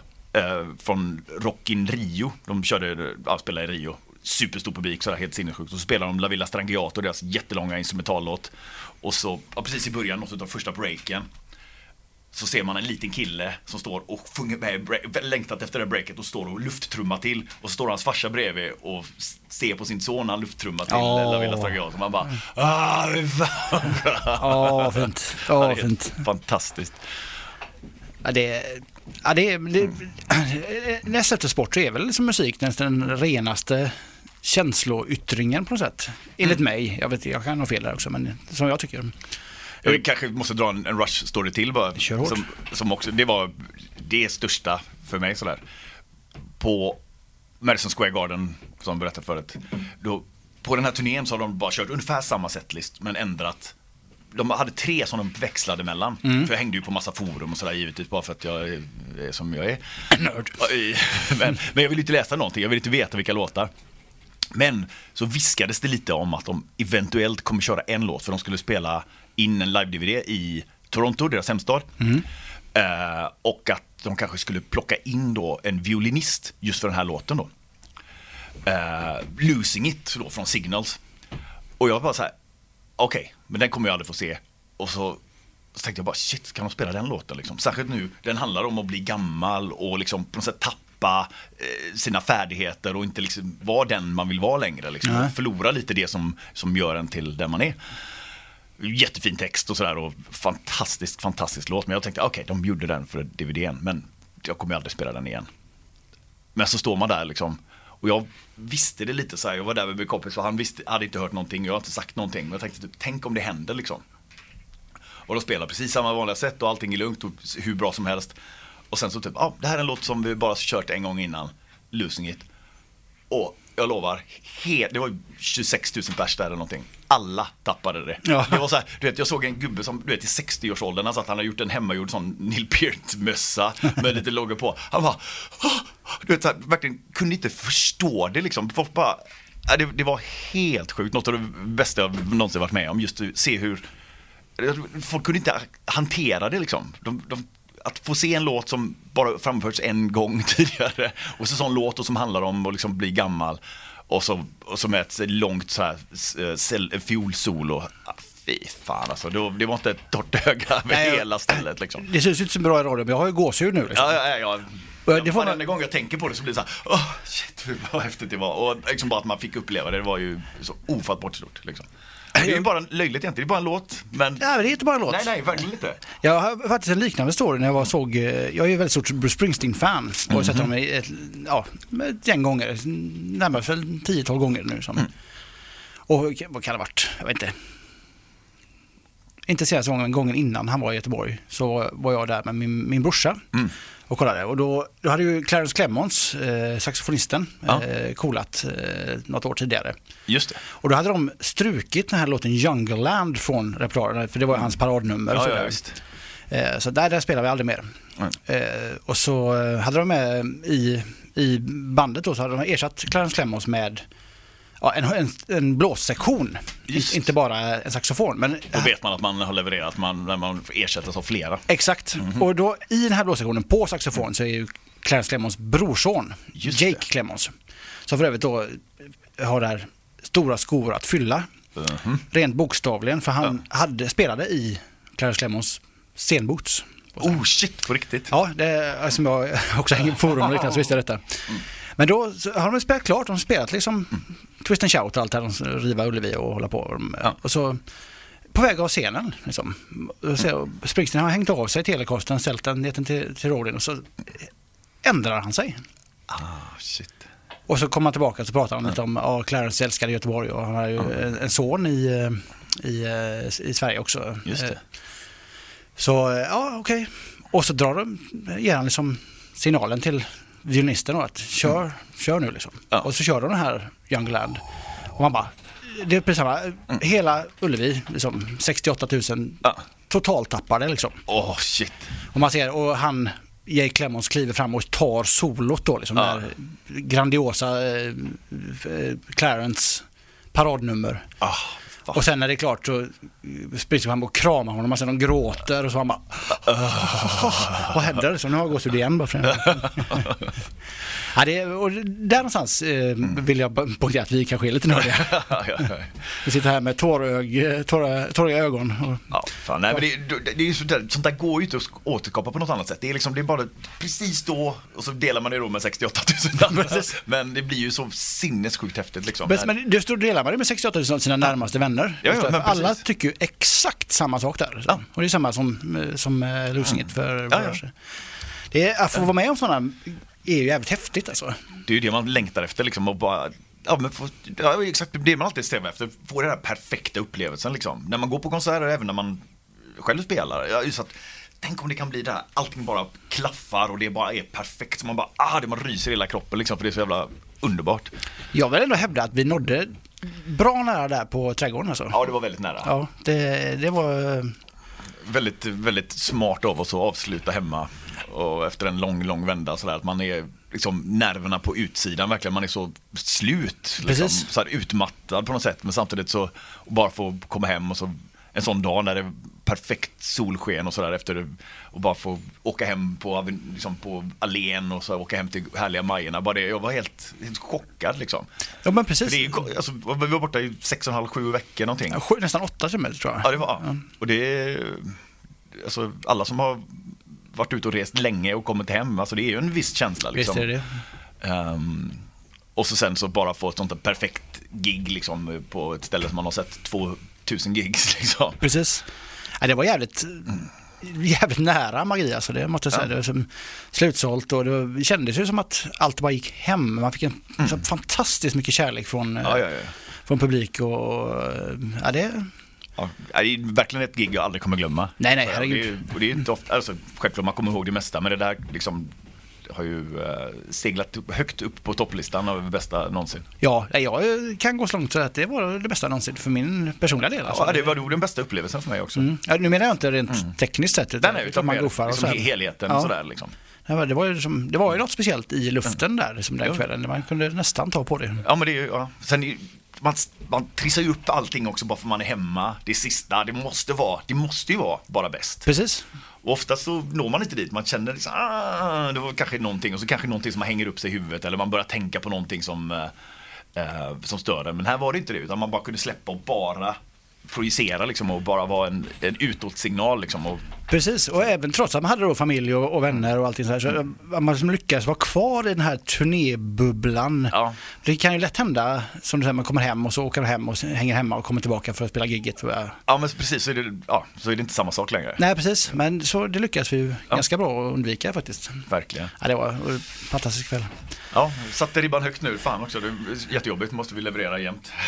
Ja, det måste vi förstå. Ja, men det är ju flera dagar kvar innan vi ska spela i Tyskland. Just det. Eller ja, när vi hör detta, eller när ni hör detta så har vi spelat i Tyskland två gånger Mhm, faktiskt. Precis, ja, faktiskt.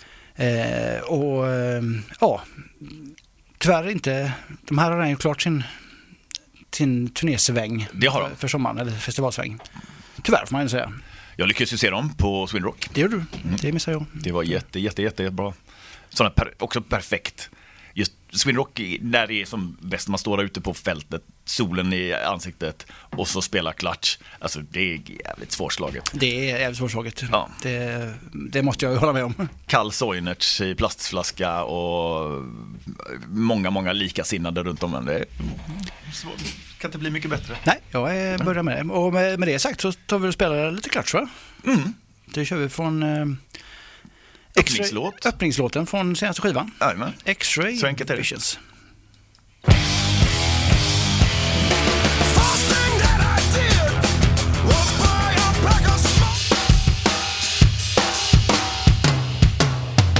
Göteborgs enda rockstation.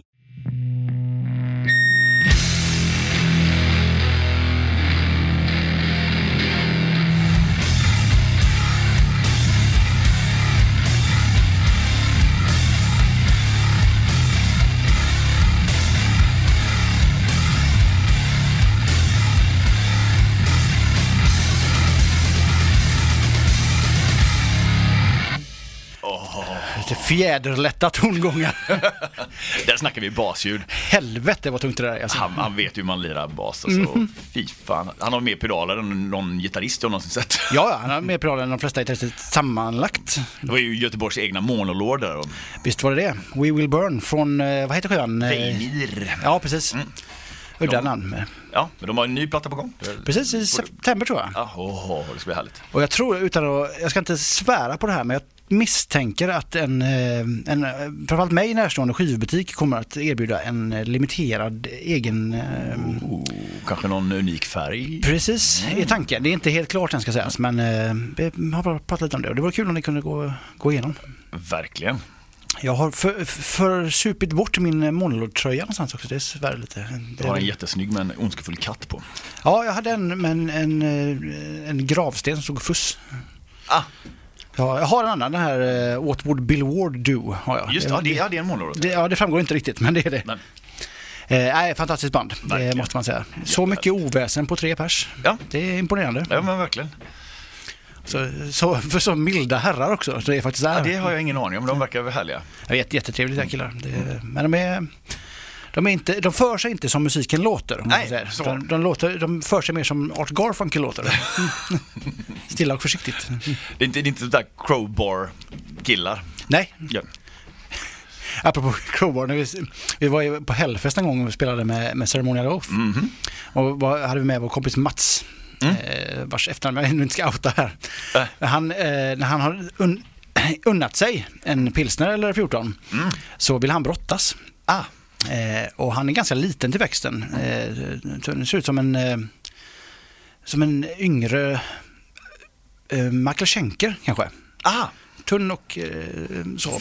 Det är faktiskt slående likt Michael Schenker nu när jag tänker efter. Ja, det är faktiskt det. Och, men han eh, ville då brottas. Eh, och han brottas med mig. Men, men valfri? Ja, han, han uppsöker större än han själv herrar med skägg. Ah, är hans eh, primära mål. ja, ja, ja. Han är så trevlig så han lyckas ju liksom förklara att jag vill, skulle vilja brottas med dig. S- Som På ett vänligt sätt. på ett vänligt sätt och det är inga, inte så att han är aggressiv utan han bara undrar, kan vi kanske brottas lite? Får du lov att ha lite brottning? Och han är, lyckas oftast eh, att brottas med folk utan och att det ska bli några någon äh, aggression inblandad. Vilket är i och för sig svårt men Ja, ja, ja. men han lyckas. Eh, och då klev han fram till, eh, vad heter han, Kirk eh, Winstein heter han va? Ja, I eh, Crowbar som är en, eh, en, en bred herre. han är precis, jag skulle precis säga det. Han- Det är en, en stor bredd den mannen. Verkligen, han är inte så lång. Nej. Men han är jävligt bred. Han står väldigt, väldigt stadigt. Han har jättemycket skägg. Jättemycket skägg, mindre hår. Ja. Arg, oftast. Ja, eh, på scen i alla fall. Ja. Men eh, eh, också, skiva också. Ja, jo, sant i och för sig. Men jag misstänker att han är, i, kanske får ut eventuella aggressioner på skiva och på scen. Så han låter det verkligen. En ganska eh, mild herre eh, vid sidan av scen. Trevlig. Åren komna också. Ja, det tror jag. Om man skulle, ja, han är nog 50 eller? Ja, något sånt.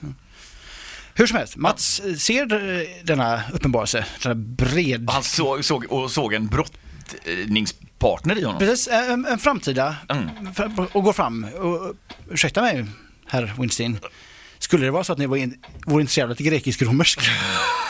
eh, och eh, lyckas lägga fram sin sak så mycket så att Kirk nickar jakande Ja, ja. och tar tag i en halv Nelson. Tror jag kan eventuellt kallas brottning är inte min... Jag kan halv-Nelson och så finns det någon... Nej, det är den jag kan faktiskt. Det är den runt halsen va? Eh, eh. Ja. Låt oss säga det. Ja. Den tas snabbt på, på Mats. Mm. Varpå Mats virvlar runt i luften och läggs Sprattlandes sådär. ja, och, och nyps fast av en gapskrattande Kirk Winstein. Det gick väldigt fort. Eh, det såg ut att göra ganska ont på Mats. Men han var väldigt glad. Han fick ju brottas. Ja, det, det fick han ju. Ja, han, han och- fick ju vara en balom. Men så de, de skildes med en kram och en skål liksom så här, men Ja. det var nog, nu ser jag inte jättemycket brottning, Nej. men det var väldigt snabb brottningsmatch. Och eh, på, jag hade, om det hade förekommit vadslagning och hasardspel innan så hade jag inte satt mina pengar på Mats och jag hade haft rätt. Du hade haft rätt. Undrar hur Kirk förklarade det efteråt. Bara, hur var det på Hellfest? Bara, ja, brottningsmässigt jätteuselt motstånd men, men annars var det bra. Bara, eller om han direkt gick hem och, och ringde mamma. Hey ma, I just wrestled eh, Michael Schenker. ja, precis. I Frankrike I won! Det kan ha hänt. Det borde vara så. Ja, men eh, låt, ja, låt oss, som en, en mycket vis man sa, man ska aldrig låta sanningen stå i vägen för en god historia. Så är det verkligen. Tom Waits, denna, eh, denna eh, one-liner-fabrik. Fabrik jag också. Nu tajmar vi då att vi dricker vatten samtidigt. Ah, Så kan det gå. Eh, när Kirk Winston kom på tal. ja, precis. Man kan lätt behöva något. En klunk. Ja. Eh, ja, vad, vad var vi? Jag tappade bort mig lite i brottningshistoriken. Eh, ja, men det var härligt. Fest, oh, just det, Ceremonial var ju där på, på Hellfest. Det Precis. Lite unikt. Häftigt. Ja, vi gjorde ju tre eh, festivalspelningar den sommaren, Ja. tror jag. Roligt. Ja, det var grymt. Det, ja, vi var ju kvar hela den festivalen, så jag och Oskar och Marcus, trummisen där, vi hängde ju. Vi spelade första dagen. Jag, minns, jag hörde ju talas om detta och tänkte att det låter som en jättedålig idé. Det kommer ju gå illa. Det, ja, nej, det gick bra faktiskt. Vi, vi, de var ju vänliga nog att, eh, att erbjuda oss en, en chaufför. Mm. Så att vi lyckades ju transporteras från hotell och till hotell framförallt. Mm. Eh, på ett säkert sätt. Mm. Eh, så det, det var skittrevligt faktiskt. Jag är inte så mycket för festivalande generellt sett, men eh, det var jävligt trevligt. Ja, det är en grym festival. Det, ja, det är det verkligen. Jag älskar ju festivalande. Och, men de gångerna vi stannar kvar på festivaler är, har generellt varit väldigt dåligt, en dålig idé. Det har blivit att man, eh, man är alldeles för glad och vill se massa band och så, sen så lyckas man tjata till sig något typ av eh, så pass som gör att man får dricka obegränsat. Och, det, och så är det kanske varmt och så, så man blir jättetörstig och så blir det jättebrusat och härligt. Mm. Eh, Jag, jag minns ju spontant när du var inne på det här eh, Summer Breeze för två sommar sedan.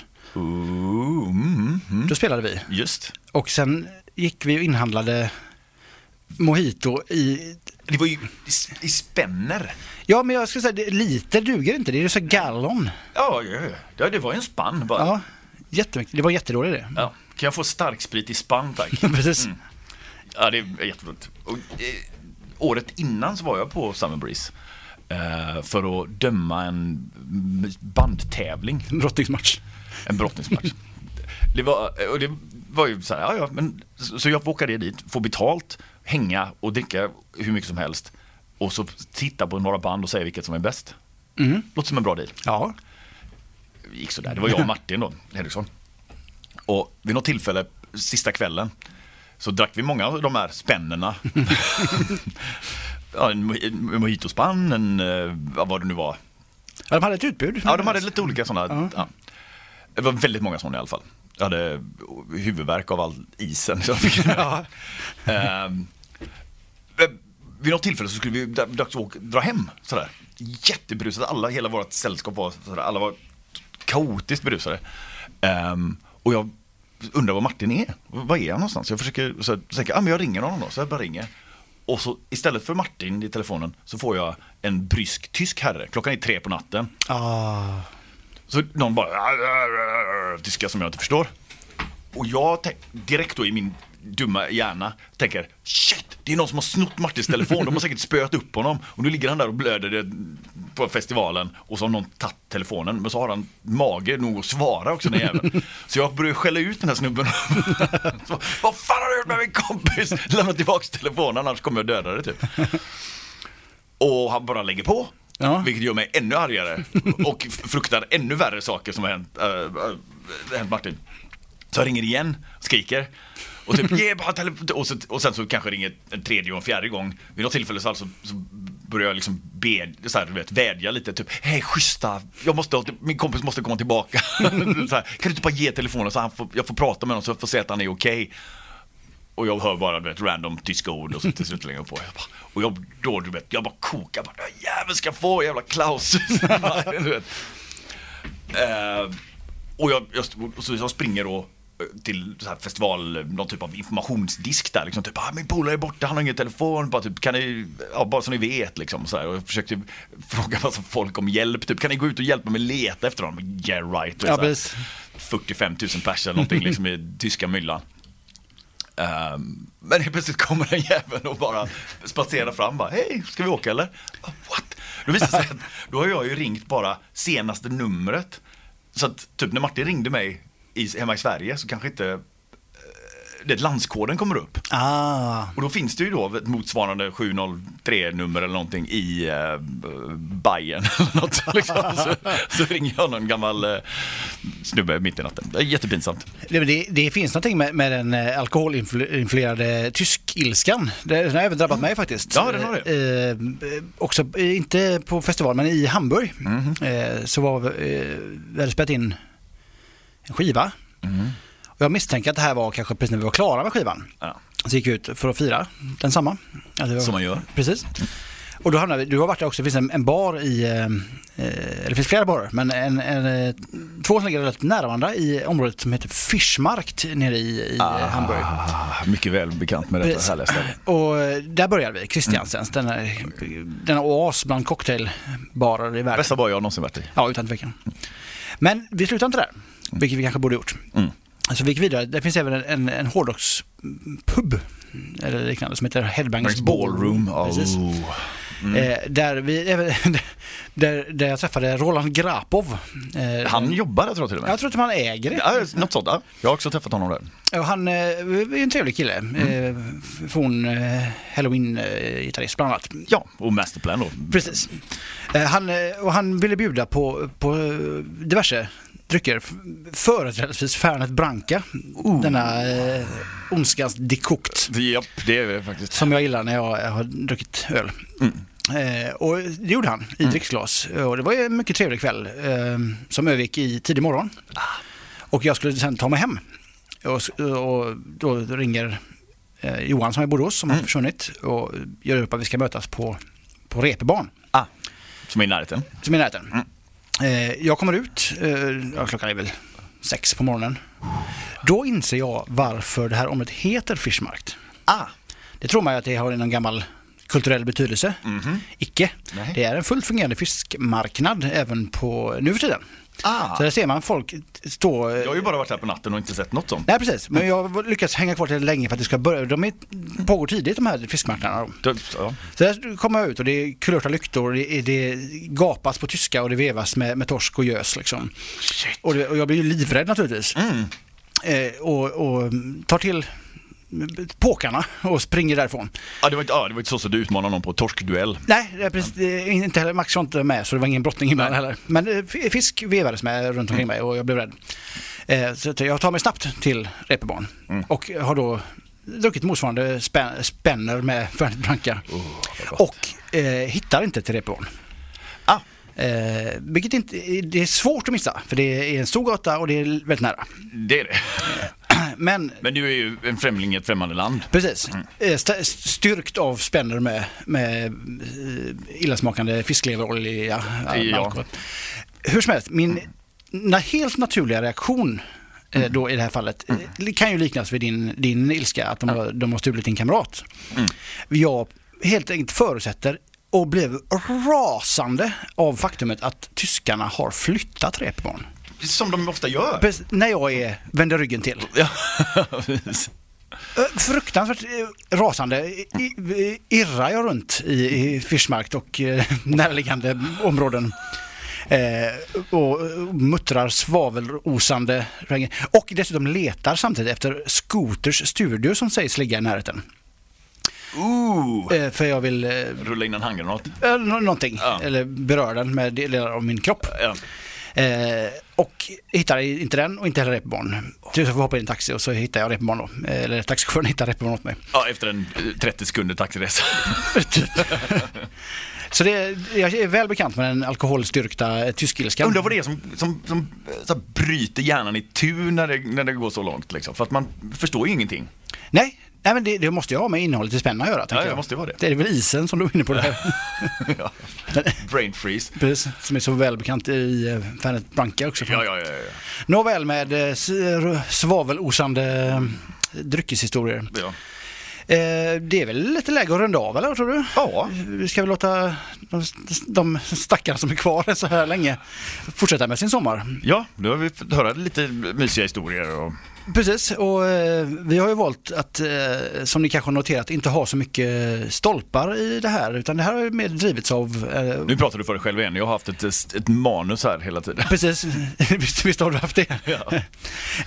eh, men att det var lite drivits av våran, eh, våran drivkraft för Mm. detta, att vi, vi försöker lite leva med det här, eller för det här. Det är ju inte alls svårt att leva för något som är så här härligt. Nej, precis. Och vi har i stort sett valt varannan låt kan man säga. Det har det varit. Och jag tror vi kan väl i stort sett ställa upp på alla varandras val också. Jag hoppas att folk fattar hur bra musik vi har spelat idag. Ja, det får vi verkligen hoppas. Jag tror, eh, så att, eh, eh, Sveriges Radio erbjuder ju där man kan lyssna på sommarpraten i efterhand på Ja. i sin app. Där kan man välja utan musik. Ah, Det kan man inte här. Så bra. Så det får... Det hade jag gillat annars om jag lyssnar på ett radioprogram, för jag kanske inte vill lyssna på musik när jag är ute och lyssnar på prat. Absolut. Men i det här fallet så är det perfekt. Jag vill däremot att alla andra ska lyssna på min musik. För helvete. Det är viktigt. Ja. Eh, nästa och sista låten är faktiskt din förtjänst att jag älskar. Vi satt på en, en nattlig turnébuss. Låt oss säga att det var i Kansas. Det minns jag inte om det var, men det, det var någonting på avsluten där, eller avslutningen så att ja. precis. Eh. Eh, platt landskap, eh, ganska ökenspelning hade vi gjort om jag minns rätt. Eller, vi hade inte varit stora men det var inte så mycket folk där och var så här mellanspelning. Eh, och man tyngdes kanske lite av hemlängtan och så vidare. Och vi satt ju uppe som vi ofta gjorde och spelade musik Det gjorde vi. i bussen. Och Skott rattade den mot nästa mål, vart vi nu var på väg. Japp. Så vi rörde oss eh, i en stor silversvart buss mm, eh, mitt i natten. Och vi satt i väldigt sköna skinnfåtöljer längst fram i bussen. Precis, och jag tror att det var bara du och jag som var vakna.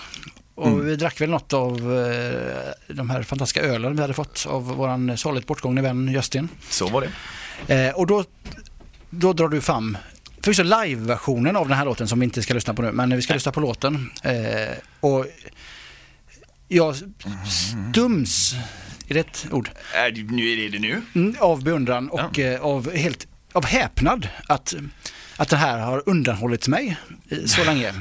Varför inte Med flit såklart. Ja, nu inte bara rent generellt sett. Att, hur har de inte haft mage att inte komma fram och presentera den här skivan för mig direkt när den var inspelad?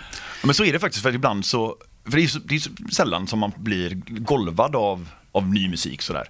Liksom. Man, det är det man letar efter hela tiden. Precis. Man får den här, "Åh, shit, det här är det bästa som finns.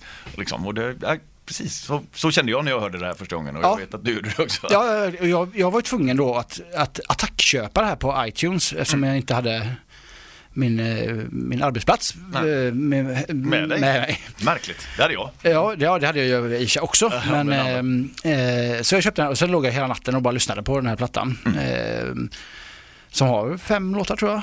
Ja, den här, ja, precis. Liveplattan har bara två för det är väldigt, väldigt långa versioner Precis. av låtarna, vilket är underbart. Eh, och det är väl, på den liveplattan, om jag minns rätt, så är det väl en låt från varje skiva. Ja, precis. De har gjort två skivor än så länge. Det kommer en tredje i höst, har, jag, har vi hört ryktes om.